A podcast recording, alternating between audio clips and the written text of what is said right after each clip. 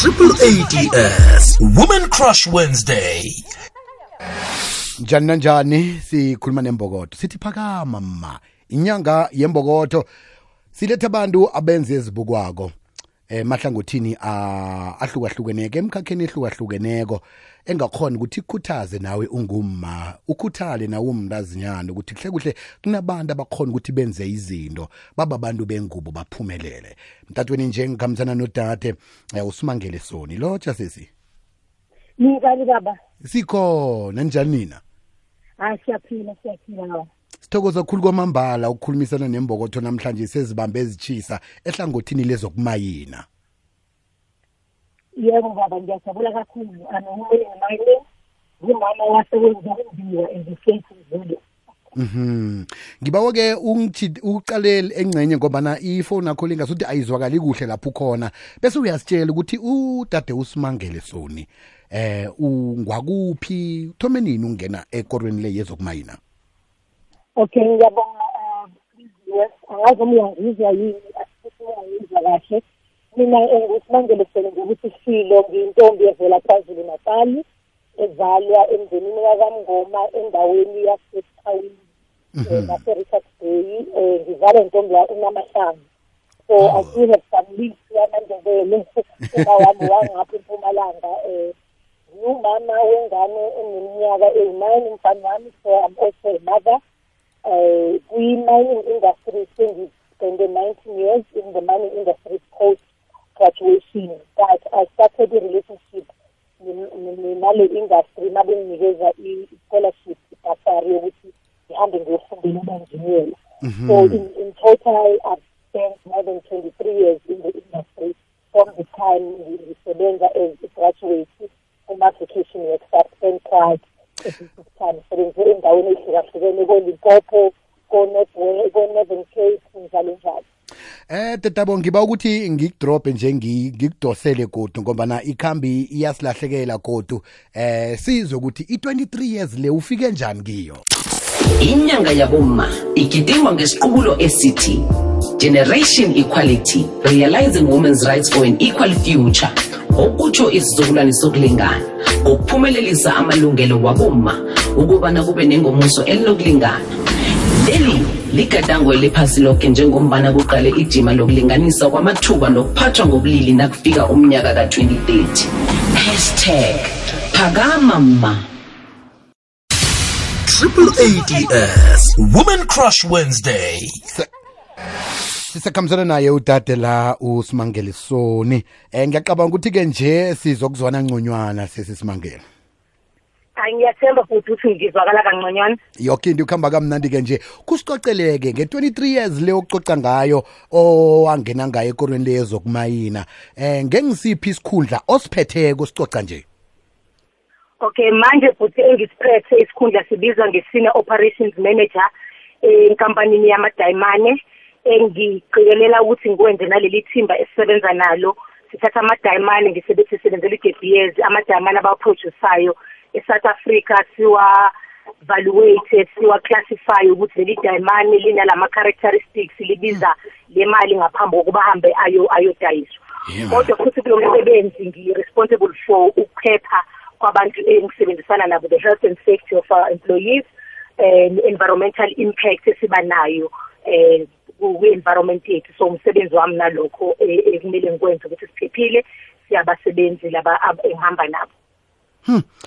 Alo kunjani ukuthi ube ngumma ophetheko lesiqongolweni ophezulu eh ku-industry eyande ngabantu bembaji? Ngicabanga ukuthi kimi if ngiku-summarize nje it's been exciting.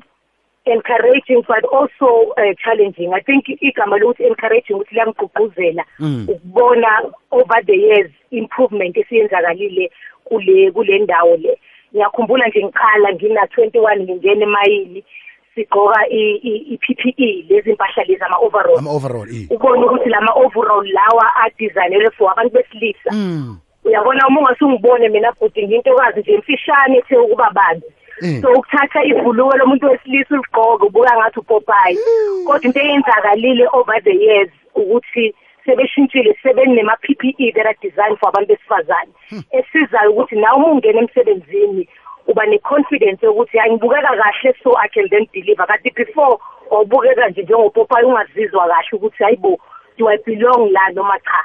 Enye into i think e- ebiyenzeka ngalezo yikhathi especially uma usuqala ukuphatha uyasaba umuntu wesifazane ukuthi ngi- ngingatshengisa ukuthi ngiyabahlonipha labantu at the same time ngizobahola especially uma ungena as umuntu omncane lapho engaqala khona ukuhola ngangineminyaka ewu-twenty seven ngizohola obaba who could be abazali bami. At the same time also ngizohola abantu besilisa ubatshengisa kanjani ukuthi uyabahola futhi uyabahlonipha? So those are the challenges. But for mina kwaba kwabaluleka ukuthi before ngibahole fanele bangithembe Mm. ukuthi ngiyabahlonipha as abantu ngiyabahlonipha as abantu abadala abazi okukhulu kunalokho engikwaziyo kodwa ku- futhi fanele bangisize ukuthi ngibahole ngoba sizosebenza ukuthi si- sithuthukise inkampani lesisebenzisayo thuthukise lempilo zabo. So amanye ama-challenges lawo owafesayo uma umuntu wabazali because of cultural norms ukuthi ukhuluma kanjani nobaba ongabe ubaba wakho.